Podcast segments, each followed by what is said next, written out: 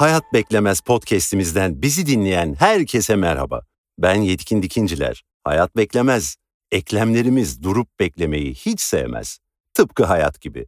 Bedenimiz tarafından engellere takılmadan hayatta özgürce hareket edebilmeniz ve eklem iltihaplanması hastalığı hakkında bilgi sahibi olmanız için bu program iyi bir fırsat olabilir.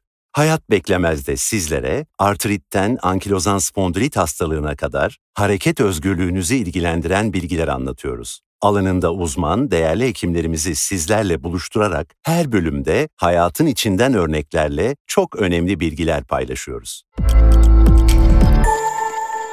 Tekrar merhabalar. Bugün değerli hocalarımız Profesör Doktor Süleyman Özbek ve Profesör Doktor Göksal Keskin'le birlikteyiz. Süleyman hocam sizinle başlayalım. AS hastaları bir rutin yaşıyoruz. Çalışıyoruz, eve dönüyoruz, telaşlarımız var, sakin olduğumuz anlar var, günlük hayat var, akışı var. Burada dikkat etmemiz gereken şeyler var mı? Bir AS hastası günlük hayatında nelere dikkat etmeli? Bağlantılı olarak da alışkanlıkları varsa Hani kilolu biri ise örneğin ya da sigara, alkol varsa hayatında nelere dikkat etmeli? Egzersizi az önce açıkladık ama yani gündelik hayatta nelere dikkat etmeli AS hastaları? Yetkin Bey şimdi bütün dünya üzerinde en önemli sağlık sorunlarından bir tanesi aslında başta gelenlerden bir tanesi obezite. Obeziteyi ben kilo fazlalığını ben mıknatısa benzetiyorum hep. Nasıl mıknatıs çevrede ne varsa metal topluyorsa obezite insan bedeninde gerçekten hastalık topluyor. Sadece ankilozan spondilit için değil, çok basit ben bir hastaya bir ilaç vereceksem kilosuyla çarpıyorum. Daha yüksek bir doz veriyorum. Ama kalp damar hastalıkları, diyabet, aklımıza gelebilecek pek çok şey için. Ankilozan spondilitte özellikle obezitenin şöyle bir zararı olabilir. Affedersiniz bu balkon deniyor ya bir göbek düşünün. E, bu göbeği bir sandığı taşımaya benzetelim. Ben sandığı taşırken haliyle kendimi öne doğru vereceğim. Obezitede böyle bir problem ve insanın o kifoz dediğimiz kamburluk diye bilinen halk arasındaki durumu kolaylaştıran faktörlerden bir tanesi. Bu özellikle bir sayfa açılması gereken ve insanların aslında ideal kiloda olmaları her şeyi kolaylaştırıyor. Tedaviyi kolaylaştırıyor, hastalığın seyrini kolaylaştırıyor. Önemli bir şey. İkincisi sigara. Heh. Romatoloji ifadesi alırken kapımı çalan hasta karşıma geldiği zaman pek çok defa sigarayı ne zaman bırakacaksınız diye başlıyorum. Sigara içiyor musunuz diye sormuyorum. Özellikle romatolojide sigaranın çok apayrıca bir yeri var. Ama konu ankilozan spondilit oraya getirecek olursam biraz önce hani akciğerleri anlattık, solunumu anlattık. Şimdi hastalık ilerledikçe solunum kasları bölgesine geldiği zaman, akciğer bölgesine geldiği zaman yapışıklıklar, ankilozan spondilitin kendi doğal seyri içerisindeki yapışıklıklar akciğerin genişlemesini engelleyecek. Bu bir. Dıştan bir faktör var. Akciğer sanki bir zırhın içerisinde bir gladyatörün zırhını giymiş gibi düşünün. Açılamayacak. E bir de biz dışarıdan sigara gibi bir faktörü akciğerlere göndereceğiz. İçeriği de meşgul edeceğiz. Evet hiç iyi bir şey değil. Ayrıca bizim çok 20 yıldır neredeyse çok kullandığımız biyolojik tedavilerimiz var ve hastalık için muhteşem yararları olan ilaçlar. Bu grup ilaçların da yapılmış birçok çalışma gösteriyor ki sigara içenlerde etkileri sigara içmeyenler kadar değil. Yani etkiyi de azaltıyor. İlaçların çok başarılı ilaçların etkisini de azaltıyor. Kilo, sigara, alkol hemen gelecek bunun yanında. Alkol konusu bu hastaların çoklu ilaç kullandıklarını düşünecek olursak o da bir kısıtlayıcı bir faktör olur bu durumda. Yine geleceğim sonuçta erken tanı için bizim çok önemli bir şeyimiz var, çalışmalarımız var. Erken tanındıkça ve bu tür genel sağlığı da etkileyecek faktörler ortadan kaldırıldığı takdirde ankilozan spondilit hastalar gerçekten eskiden 20 yıl, 30 yıl öncesinin Suna Pek Ünsal'ı biliyorsunuz. Evet. Çok önemli bir insan, bir simge. Öylesi bir yaşamı yaşamayacaklar. Yaşamıyorlar. Evet. Evet, Aa, onu da anımsattınız. Rağmen e, sahnede olmaya devam etti Suna Pek Uysal'da ama belki de fırsatı olsa omurgası daha dik bir şekilde perde açacaktı Suna Hanım'da. Rahmetle yad edelim onu da. Çok teşekkür ederim Süleyman Hocam.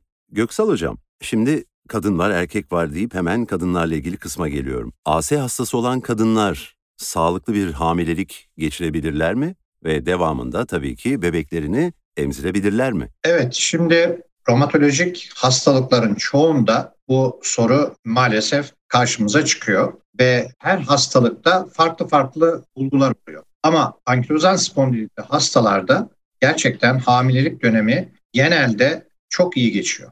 O yüzden de biz hastalara hamile kalıp kalmamaları konusunda bize danıştıklarında diyoruz ki hamile kalmanızda bir sakınca yok. Kullanmış olduğu ilaçlar itibarıyla da çok eski yıllarda tabii ki kullandığımız ilaçlarla hamilelik problemleri yaşayan hastalarımız oluyordu ama şimdilerde böyle bir sorunumuz yok. Hatta kullandığımız bazı ilaçlar hamilelik boyunca bile kullanılabilir hale geldi ama genelde ankilozan spondilikte hastalarda büyük bir sıkıntı olmuyor. Genelde ağrılar tabii ankilozan spondilikte hastalarda ağrılar, hareket kısıtlıkları çok önemli. Ama hamilelikte bunların %80'i gayet iyi geçiriyor. Normal bir hamilelik geçiriyor. Daha önce farklı bir ilaç kullanıp da farklı bir nedenden dolayı bir sorun yaşamıyorsa hem hastalığıyla hem de kullandığı ilaçlar itibariyle çok bir sorun olmuyor. Ve ileri derecede pelvis bölgesi, kalça bölgesi darlığı veya ankilozu dediğimiz hareket kısıtlılığı olmadığı sürece de normal doğum yapabiliyorlar. Ve benim hastalarımdan da %90'ı bu şekilde doğum yapabilecek durumda oluyorlar. Şimdiye kadar tabii ki hamilelik sonrasında karşımıza çıkacak sorunlardan bir tanesi de işte emzirebilir mi sorunuydu. Ama şimdilerde kullandığımız ilaçlar nedeniyle de bu ilaçlar gerçekten süte geçmiyorlar. Bazıları özellikle süte geçmiyor ve rahatlıkla emzirebiliyorlar. Hem mekanik anlamda tabii ki emzirmede sorun olmuyor. Hem de kullanılan ilaçlar itibariyle eğer emzirme döneminde ilaç kullanmak gerekiyorsa kullanmalarında bir sakınca yok. O yüzden de eskilere göre çok daha rahat hareket edebiliyoruz artık ve hastalarımız da gerçekten özellikle genç bayan hastalar bundan çok memnun oluyorlar. Biz de e, onlara yardımcı olmaktan çok memnun olmuş durumdayız. Çünkü kullanılan ilaçlar artık eskisi gibi değil. Evet, aklıma şunu getirdiniz. Uçaklarda uyarıdır. Kabin içinde basınç düştüğünde oksijen maskeleri düşecektir. Maskeyi önce kendinize, sonra çocuğunuza takın. Örneğinde evet. olduğu gibi annenin önce iyi olması gerekir ki sonra da bebeğine bakabilsin, hatta emzirebilsin evet. değil mi hocam? Evet, çok güzel. Çok teşekkür ederim. Süleyman hocam. Buyurun. Memleketimiz e, asker milletiz. AS hastaları olan erkekler askere gidebilirler mi? Yetkin Bey bunu iki şekilde düşünebiliriz. Bir, askerliği mesleki bir görev olarak, meslek olarak yapanları ayıralım isterseniz. Çok doğru. Hani görev olarak düşünecek olursak ankilozan spondilitli hastaların ortalama hastalık başlama yaşları bütün dünyada 30'lu yaş civarıdır. Yani o vatani askerlik görevini yapmış kişiler aslında 10 yıl önce askerliklerini yapmışlar ve AS'leri tanınmamışlardır. Hmm. Bir bu konu var. Evet. Ama olur ki genç yaşlarında ankilozal spondilitin başladığı insanlara bakacak olursak orada da gördüğümüz örnekler olarak söyleyeyim. E, çok az bir orandır ama bu. Askerlik öncesi yaşında ankilozal spondilit tanısı almış çok az insan vardır. Askerliklerini yapıyorlar ama sonradan bir iki ay içerisinde durum daha da anlaşılınca. Çünkü o ilk dönemler hastalığı tanımak çok zordur. Ki bizim hastalarımız hep önce bir bel fıtığı olurlar. Öyle zannedilirler. Meslek olarak askerlik yapanlara bakacak olursak Orada da 30-35 yaşında ankilozan spondilit hastalığını öğrenmiş ama yüzbaşı olmuş ama teğmen olmuş hastalarımız var. Onlar askerliklerine devam ediyorlar. Çünkü orada da yine tedaviye geleceğim. Erken tanı ve tedaviye geleceğim. Ankilozan spondilit hastası bugün için erken tanınır ve erkenden etkili tedavi edilirse yaşamını kısıtlayacak, sağlıklı bir insandan daha kusurlu, kısıtlı bir hayat onu beklemiyor. Yeter ki erken tanıyalım, erken tedavi. Ne güzel söylediniz. Peki üst sınır var mı hocam? Yani şu yaşlardan sonra artık görülmez diye bir sınır var mı? Burada en büyük problem hastaları dinlemek, anlamakta geçiyor aslında. Çünkü bel ağrısı, otobüs durağında belim ağrıyor deseniz yanınızdaki teyze bel fıtığı diyecek. MR'da da bel fıtığı çıkıyor gerçekten. Çünkü MR çok doğruyu söylemez hiçbir zaman. Çok geç tanı almış insanlar görebiliyoruz ama bu kusur.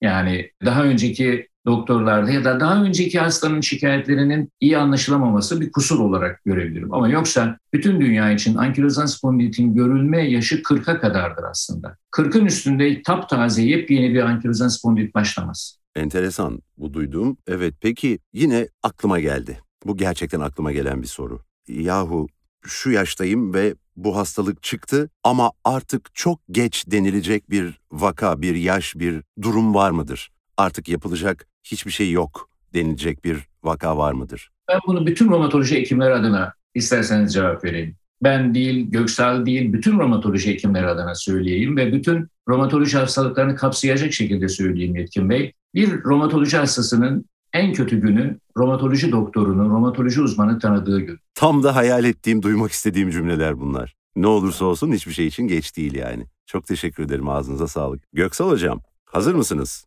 Hazırım. Biraz psikolojik bir soru geliyor. AS hastalarına psikolojik destek yardımcı olur mu? İhtiyaçları var mı diye başlayayım isterseniz. Tabii ki bağlantılı olarak onlar da bir sosyal ortamda bir aile içinde yaşıyorlar. Aileler için, ailede yakınları için önerileriniz olur mu? Öncelikle şunu söyleyeyim. Kronik bir hastalığınız varsa bırakın kronik hastalığı. Vücudunuzun herhangi bir yerinde bir çıvan çıkıyor ve 15 gün boyunca kalıyor.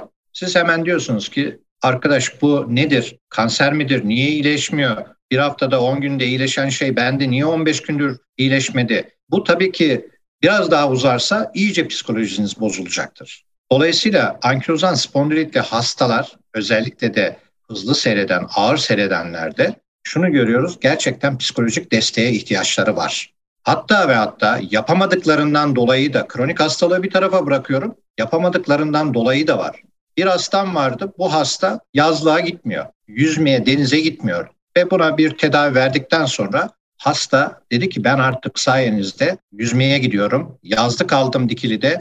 Orada her yaz gidip yüzüyorum, geliyorum.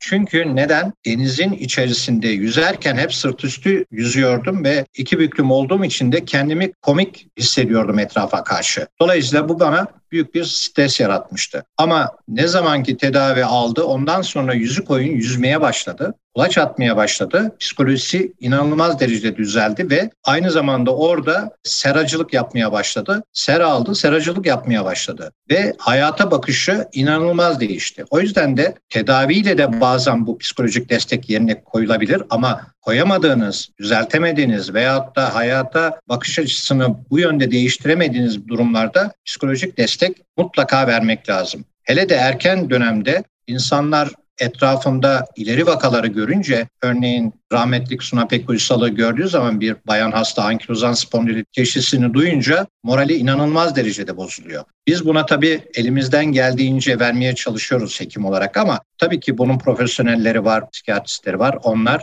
bu konuda destek vermek durumundalar. Çünkü eğer onu yapmazsanız hasta bir süre sonra tedaviyi de bırakıyor. Çünkü geleceğinin karanlık olduğunu düşünerek tedavi de bırakıyor. Süleyman Hocam'ın söylemiş olduğu gibi bazı tedaviler artık gerçekten çok etkililer ve hastalığın ilerlemesini durdurduğu gibi gerilemesine de sebebiyet verebilecek kadar etkililer. Bu nedenle de bunu anlatmak lazım. Anlatamadığımız yerde de psikolojik destek vermek lazım. Aileler de buna mutlaka ve mutlaka uymalı. Şimdi bir reklamda ünlü birisi ismini vermeyeceğim. Birisi çocuğuyla ilgili olarak Amerika'da bir tedaviye götürmüş. Tedavide oradaki hekim arkadaş demiş ki siz çocuğunuzun herkesin yaptıklarını yapmasını beklemeyin. O neler yapıyor ona bakın.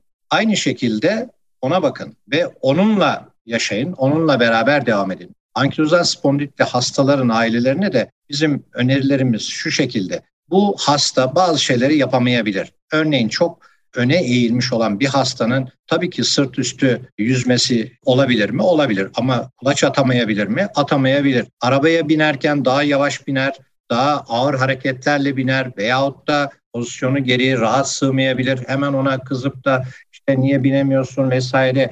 Onu kendi yerine koymak lazım kendini de onun yerine koyup ona göre düşünerek hareket etmek lazım ki hayat daha kolay olsun. Hem kendileri için hem onlar için e, daha kolay olsun. O yüzden de ailelerin de tabii ki bilinçlendirilmesi, bilgilendirilmesi, hastalığınla ilgili, gelecekle ilgili bir takım neler yapılabilir, neler olabilir bunların tek tek anlatılması gerekir. Yani adama artık o hastalıkla boğuşurken çık şuraya perdeleri as demenin alemi yok değil mi hocam?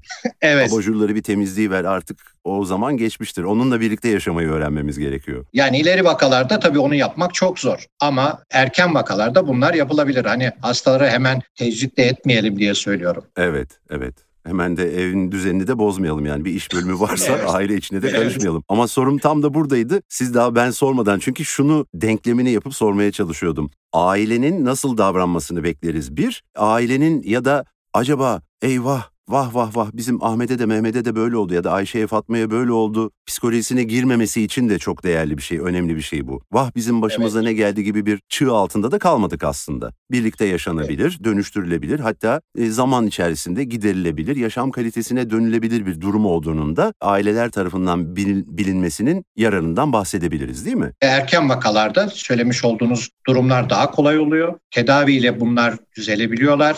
Hatta demin söylediğim işte durdurulabiliyor, geri de dön, dönebildiğine dair bir takım çalışmalar da var. Bazı e, tabii ki tamamen geri dönmüyor belki ama durdurulabilecek kadar etkili olan ilaçlarımız olduğunu artık biliyoruz. O yüzden de ailelerin erken dönemde tedavilerini bırakmamalarını hastalarına söylemelerini rica ediyoruz. Doğru, doğru çünkü hayat beklemez. Erken dönem, hemen ne yapacaksak. Hayallerimiz için de beklemez ama sağlığımız için hiç beklemez. Değerli hocalarım, e, gerçekten çok güzel şeyler duydum. Öğrenmeye devam ediyorum, devam ediyoruz bilgilenmeye, donanmaya. Ağzınıza sağlık. Değerli Süleyman Özbek ve değerli Göksal Keskin. Şimdi yayını kapamadan önce tabii ki öncelikle çok teşekkür ediyorum verdiğiniz bilgiler için. Ve kapatmadan önce söylemek istediğiniz, eklemek istediğiniz bir şeyler varsa sözü son kez size bırakıyorum. Süleyman Hocam sizinle başlayalım. Biz bugün hep egzersiz konuştuk. Ama bütün e, bu programın diğer arkadaşlarımız, hocalarımız da söylüyor. Her yerde duyacak hastalarımız, dinleyenlerimiz erken tanı çok önemli. Bu konuda ne olur e, biraz daha bilinçlenmesi gerekiyor ki bizim bugün sizinle birlikte yaptığımız e, konuşmanın amacı da buydu. Hiç korkmasınlar diyor. Çok teşekkür ederiz. Göksal Hocam? Evet erken tanı çok önemli. Tedaviyi takip ondan daha önemli. Erken tanı koyuyoruz ama tedavi aksıyor. Özellikle gençlere seslenmek istiyorum. Genç hastalar biraz düzeldikten sonra peşini bırakıyorlar. Bu hastalık sinsi bir hastalık. Yavaş seyirli de olsa yavaş yavaş alttan alttan sinsi bir şekilde devam ediyor. Klinik olmasa da subklinik olarak devam ediyor. Dolayısıyla da takibi elden bırakmamak gerekiyor. Teşekkür ederim. Çok teşekkür ederim. Erken tanı çok önemli. Ben de çok geç olmadan sizi tanıdığım için çok mutlu oldum. Süleyman Hocam, Göksal Hocam ağzınıza sağlık. Sizlere sağlıklı ve mutlu günler diliyorum. Teşekkür ederim. Teşekkürler. Sağ olun. Sevgili dinleyicilerimiz, programımız burada sona erdi. Yeni bir programda buluşmak dileğiyle hepinize güzel günler diliyoruz. Sağlıcakla.